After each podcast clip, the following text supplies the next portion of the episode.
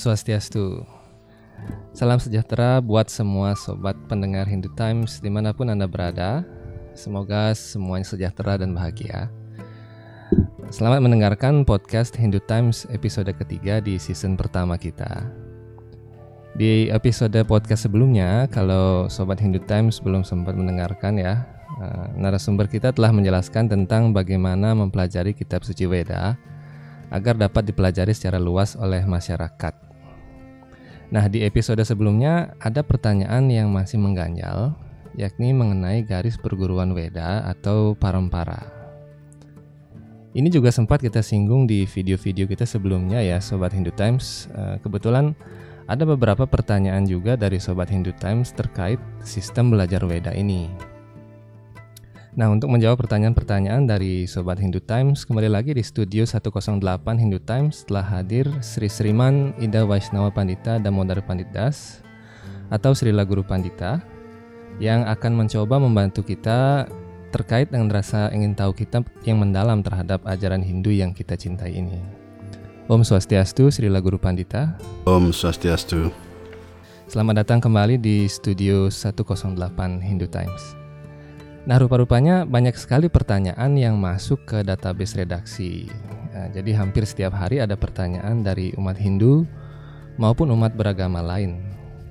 Nah, yang membuat kami di tim redaksi terharu adalah ya hampir semua pertanyaan tersebut sangat serius ya. Dan uh, sobat Hindu Times, penonton dan pembaca juga menginginkan jawaban yang tepat, yang melegakan dan mencerahkan ini membuktikan bahwa umat kita sangat haus dengan ajaran-ajaran rohani. Uh, saya mewakili aspirasi umat Hindu sesungguhnya sangat mengharapkan ajaran-ajaran spiritual ini untuk dibagi-bagikan secara luas kepada siapa saja dan di mana saja. Uh, beruntung sekali dengan media sosial seperti sekarang ini, kita bisa berbagi dengan lebih mudah tanpa terikat waktu dan tempat. Uh, baik, Guru Pandita, kali ini topik kita adalah lagi-lagi ya tentang mempelajari kitab suci umat Hindu yakni Weda. Ada pertanyaan yang sangat menarik sekali dari salah satu netizen kita. Uh, ya, nama akunnya adalah saudara Ala Trending. Ya bisa kita lihat screenshotnya di layar. Jadi pertanyaan yang pertama adalah uh, uh, seperti ini. Apakah untuk parampara atau Tuhan itu sendiri di masing-masing wilayah ada dan berbeda-beda untuk saat sekarang ini. Misalnya di India beda, di Bali juga atau di Jogja dan sebagainya. Uh, mohon jawaban dari Sri Guru Pandita. Baik, uh, umat sedharma, umat Hindu yang saya hormati, di mana pun berada, semoga sehat sejahtera selalu dan bisa mendengarkan acara ini dengan baik. Saya mencoba untuk menjawab beberapa pertanyaan di sini. Pertanyaan pertama tadi bahwa perlu kita pahami ada satu ayat tentang sampradaya atau parampara itu dari kitab suci Veda Padma Purana yang bunyinya demikian Sampradaya vihinaye mantasti nispala mataha atah kalau bawisyati catwara sampradayina Sri Brahma Rudra Sanaka Vaisnava Siti Pavanaha Catwaraste kalau Bhavya Hyutkale Pursutama. Mantra dalam sloka apa pun yang diterima tidak melalui silsilah guru kerohanian yang sah dan suci, maka hal itu adalah sia-sia belaka. Oleh karena itu, empat pribadi yang mulia akan muncul untuk melanjutkan kembali garis perguruan yang hampir putus tersebut. Pendiri Sampradaya yaitu adalah Sri Mahalasmi, Brahma, Rudra, Sanaka Maharsi, Itulah yang akan menyelamatkan dunia. Para acarya yang suci akan menghadirkan mereka di kota suci Purushotama. Jadi di sini kita tidak boleh gegabah dalam hal ini untuk berkata. Karena itu saya memakai narasumber dari kitab suci Beda dengan slokanya yang ada bedanya dari kitab suci yang sah. Jadi kita tidak hanya berbicara begitu. Karena kalau kita beragama tentu narasumber kita adalah kitab suci. Sekarang di sini sudah jelas dikatakan bahwa ada catur sampradaya yang akan menyelamatkan dunia ini yaitu dijelaskan seperti Laksmi Sampradaya yaitu Sri Mahalasmi sendiri kemudian Dewa Brahma, Dewa Siwa kemudian Sanakarsi yaitu putra dewa Brahma sendiri. Keempat pribadi ini adalah bukan manusia ini, bukan roh sembarangan. Mereka ini adalah kepribadian-kepribadian yang agung. Bahkan ekspansi Tuhan ada di sini. Termasuk avatar apa namanya itu guna avatar ada di sini. Termasuk tenaga sakti Tuhan juga ada di sini. Kemudian penyembah Tuhan yang murni juga ada di sini. Ini disebut dengan roh-roh yang sudah bebas, bukan sembarangan. Bukan seperti manusia biasa hanya dengan kepintaran, kesarjanaan atau kecerdasan duniawi. Tidak, tidak bisa seperti itu. Inilah pribadi-pribadi yang patut dihormati oleh seluruh makhluk hidup di alam semesta ini. Lebih-lebih kita umat Hindu khususnya. Karena itu di sini jelas dikatakan ada empat catur sampradaya yang akan menyelamatkan dunia ini bahwa semua sloka-sloka yang kita gunakan atau ayat suci yang kita gunakan atau doa-doa yang digunakan semestinya harus bersumber dari salah satu dari sampradaya itu. Kita tidak boleh mengada-ada sesuatu. Kemudian di sini dikatakan bahwa munculnya keempat sampradaya ini adalah di kota suci Purusutama, bukan di Jogja, bukan di Bali, bukan di mana, bukan di Amerika, di Australia, tidak, tapi di kota suci Purusutama. Kota suci Purusutama ini adalah di India di daerah Orissa. Lalu dikatakan sini slokanya Utkale Purushotama. Jadi daerah Utkal India di Orissa. Karena Orissa itu di daerah Jagannapuri itu dikatakan Purushotama Setra hmm, atau Purushotama Dham. Jelas di sana kemunculannya. Kita tidak boleh mem memungkiri hal ini, kita pun tidak boleh menolaknya, kita pun tidak bisa memaksakan sesuatu. Sama seperti mobil Honda, pabriknya di Jepang, bukannya di Solo bukan di Surabaya, bukan di Denpasar atau di tempat lain tapi di Jepang. Kita nggak boleh berteriak-teriak mengatakan, oh harus di sini harus tidak bisa begitu.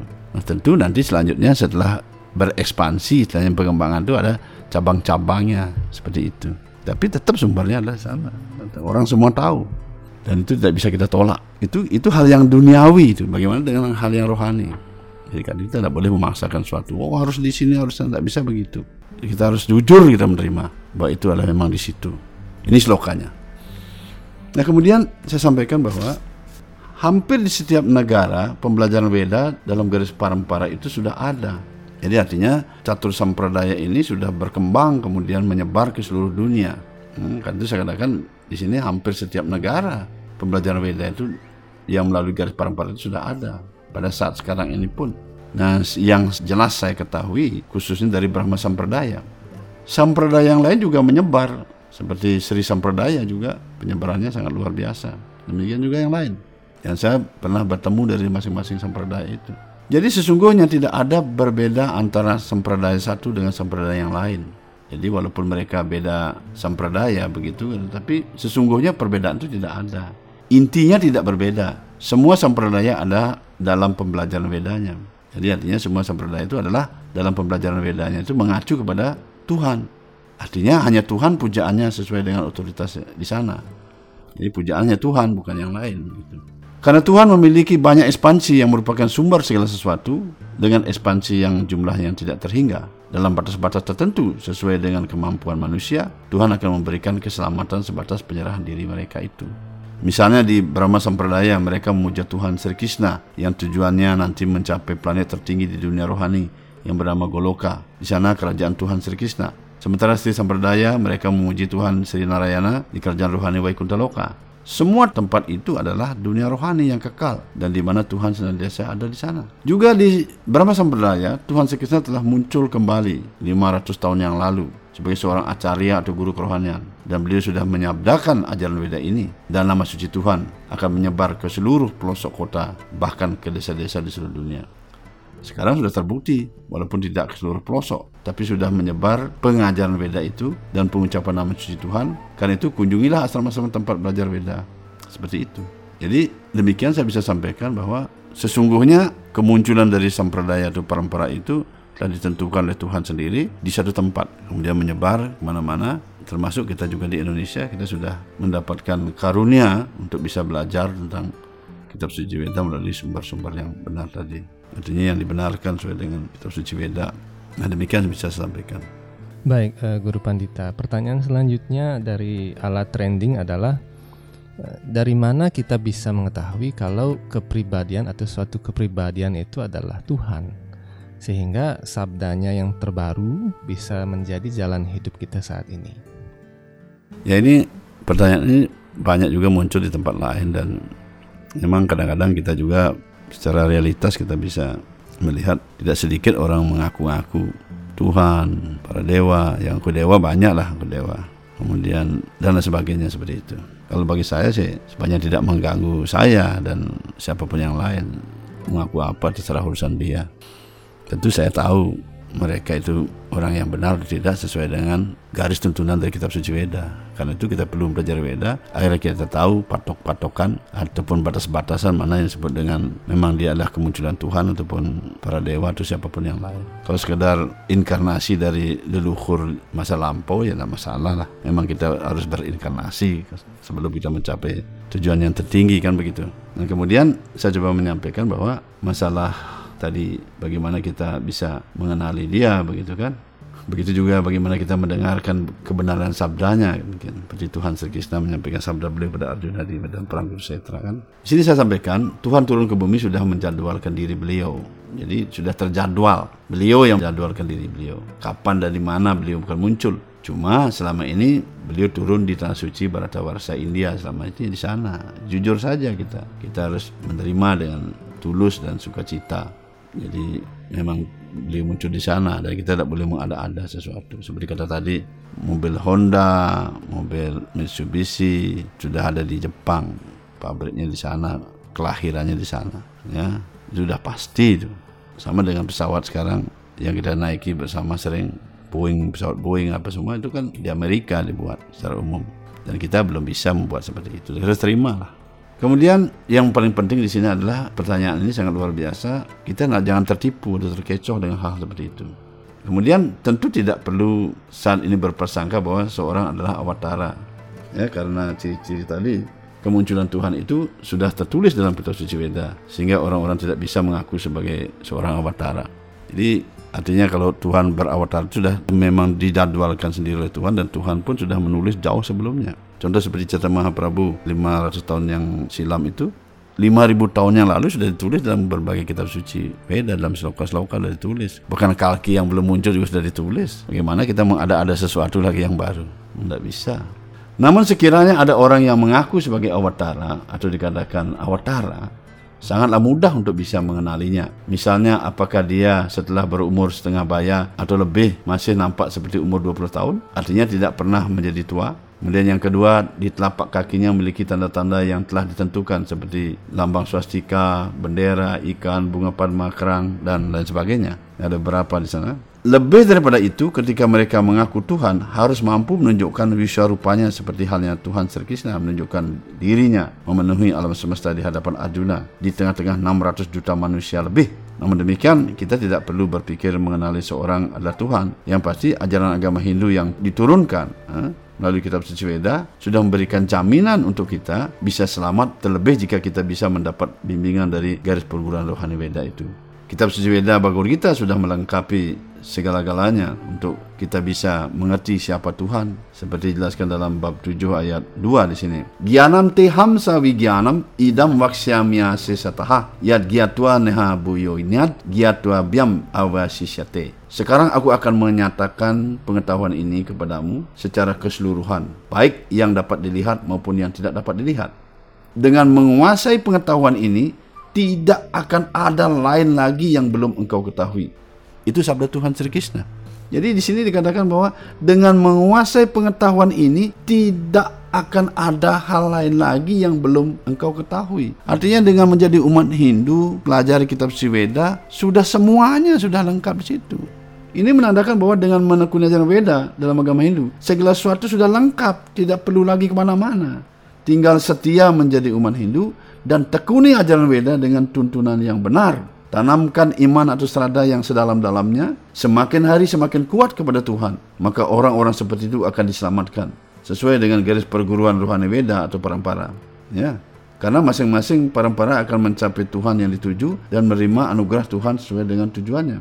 Perlu saya tambahkan sedikit bahwa Sesungguhnya umat Hindu ini yang kita tekuni sekarang belajar agama Hindu ini yang sumbernya Weda walaupun nampaknya ada berbeda-beda satu dengan yang lain ada e, cara berbeda, sistem berbeda sesungguhnya mereka semua umat ini sudah ada dalam garis paramparanya masing-masing. Tidak ada yang Hindu ini di luar garis parampara itu. Sama seperti sebuah universitas, kalau sudah dia ada dalam universitas itu, entah kuliahnya di mana, mereka sudah ada jalurnya, sudah ada fakultas masing-masing dalam satu universitas sudah ada fakultas masing-masing. Demikian juga ini sudah ada sampradaya masing-masing, sudah ada. Mereka tinggal menekuni dan menelusuri saja.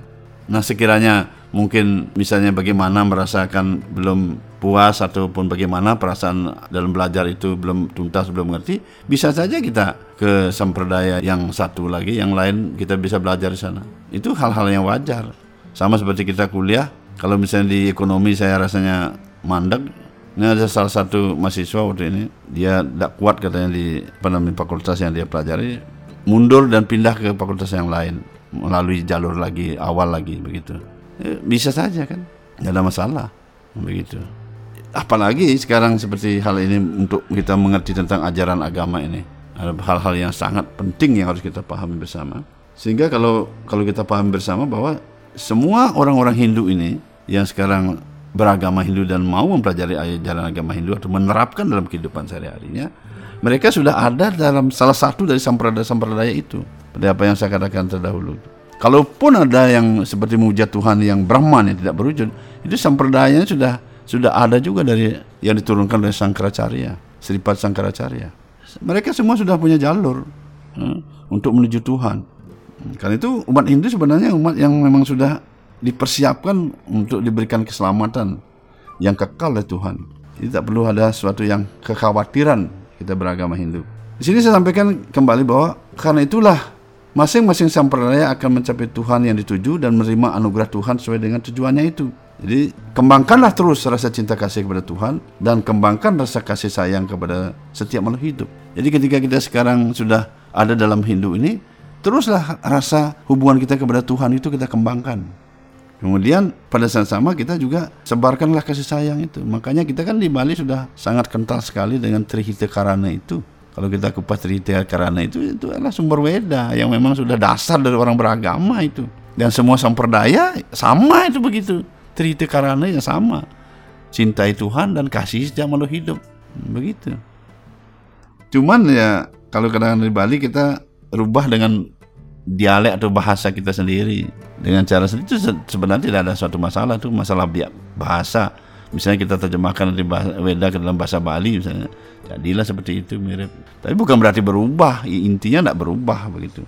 Nah itulah kita harus pahami juga ketika kita belajar agama jangan kita juga mengembangkan rasa ego bahwa kita sudah beda sudah lain ini lain. Nah, kita tetap sumbernya sama satu hmm, dari yang sampradaya tadi yang satu itu kalaupun berubah tradisi karena ada tradisi ataupun bahasa tadi itu sebenarnya intinya tidak berubah begitu. Sama dengan kita eh, makan hamburger misalnya kalau di Amerika namanya hamburger kita bisa aja rubah di Indonesia dengan nama apa begitu yang kita sukai itu kan soal suka-suka kita saja.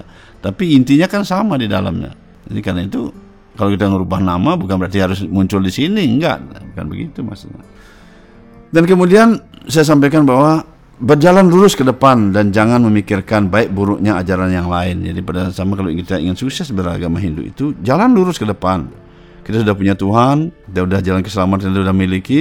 Kemudian kembangkan rasa cinta kasih pada Tuhan dan kasih sayang pada setiap makhluk hidup tanpa mengenal latar belakang apa pun. Kasih sayang itu tidak mengenal latar belakang apa pun. Nah, binatang tumbuhan kita sayangi bagaimana dengan manusia? Apa pun dia agamanya, apa pun suku dari mana, kasih sayang itu tetap berjalan yang sama kita tidak membedakan bahwa mereka itu oh ini karena sukunya lain agama lain. Dia kasihnya sayangnya bedain dengan suku kita sendiri. Di hadapan Tuhan tidak seperti itu. Karena kita harus belajar bagaimana Tuhan beri contoh buat kita. Itulah trihita karana yang dimaksud. Nah kemudian kita tidak memikirkan baik buruknya mereka ataupun ajaran mereka. Entah baik atau buruk itu bukan urusan kita. Apalagi menghinanya kalau tadi kita ada sloka tadi dikatakan bahwa dengan mempelajari pengetahuan ini tidak akan ada hal-hal lagi yang lain yang belum engkau ketahui. Kemudian jangan pada saat sama kita sudah mengatakan yang lain itu kurang, yang lain itu tidak selengkap ini. Tidak perlu begitu. Tidak penting begitu. Kalau kita hanya begitu saja berkutat, berarti kita masih jalan di tempat. Kita belum berjalan, kita masih jalan di tempat. Jadi ini ini rumus rohani ini. Jangan kita meniru-niru apa sesuatu yang yang apa namanya itu yang kita tidak jelas tidak ketahui. Kalaupun kita punya mobil yang bagus, jangan juga bilang mobil orang nggak bagus. Kita tekuni aja dengan mobil kita. Kita pakai setiap hari, kita bersihkan, kita bawa ke dealer, berbagi servis semua. Tidak usah pikir mobil lain. Kalau kita masih memikirkan sesuatu yang lain, berarti kita beban banyak. Hmm, jadi lambat kita akan maju. Andai kan seseorang mengendari mobil seperti contoh tadi itu kan, ya, dengan kecepatan yang tinggi, karena di sana apa namanya itu jarak yang ditempuh sangat jauh. Kalau kita naik mobil tadi, kita punya mobil tadi, kita kira naik mobil dengan jarak tempuh kita yang sangat jauh, jalan tol misalnya begitu. Sehingga dia harus berjalan dengan sesuai dengan lintasannya masing-masing dan dengan kecepatan yang tinggi.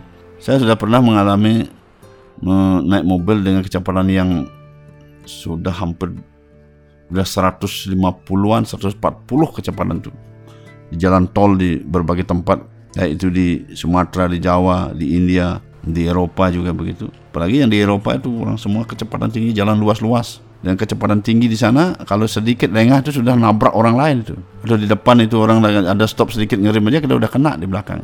Karena itu aturannya sangat ketat sekali. Begitu juga kita beragama ini sebenarnya sama seperti kita menempuh jalan tol mencari Tuhan yang sangat jauh sekali tempatnya kalau kita pelajari kitab suci Weda ini susunan planet-planet ini di atas ini ada surga planet surga ke atas sampai lapisan Dewa Brahma apa namanya planet ketujuh itu.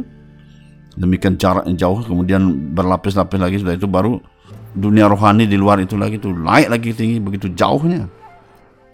Karena itu dengan kecepatan yang tinggi dan kita lurus tak mikirkan yang lain begitulah kita beragama sehingga kita tidak perlu harus memusingkan sesuatu yang lain kadang-kadang kita berdebat sesuatu yang lain ataupun mencari debat apa beragama tak penting begitu inilah rahasia keberhasilan sebagai umat beragama kalau kita ingin berhasil beragama, agama apa pun yang kita tempuh, khusus kita Hindu lah, inilah rahasianya. Jadi kita jangan ikut-ikutan sesuatu, kita pelajari agama kita, tekuni ajaran agama kita, dan berjalan. Kalau ada orang nantang berdebat tentang ajaran agama, tidak perlu, tidak penting. Agama tidak diperdebatkan, agama adalah diyakini dan dilaksanakan.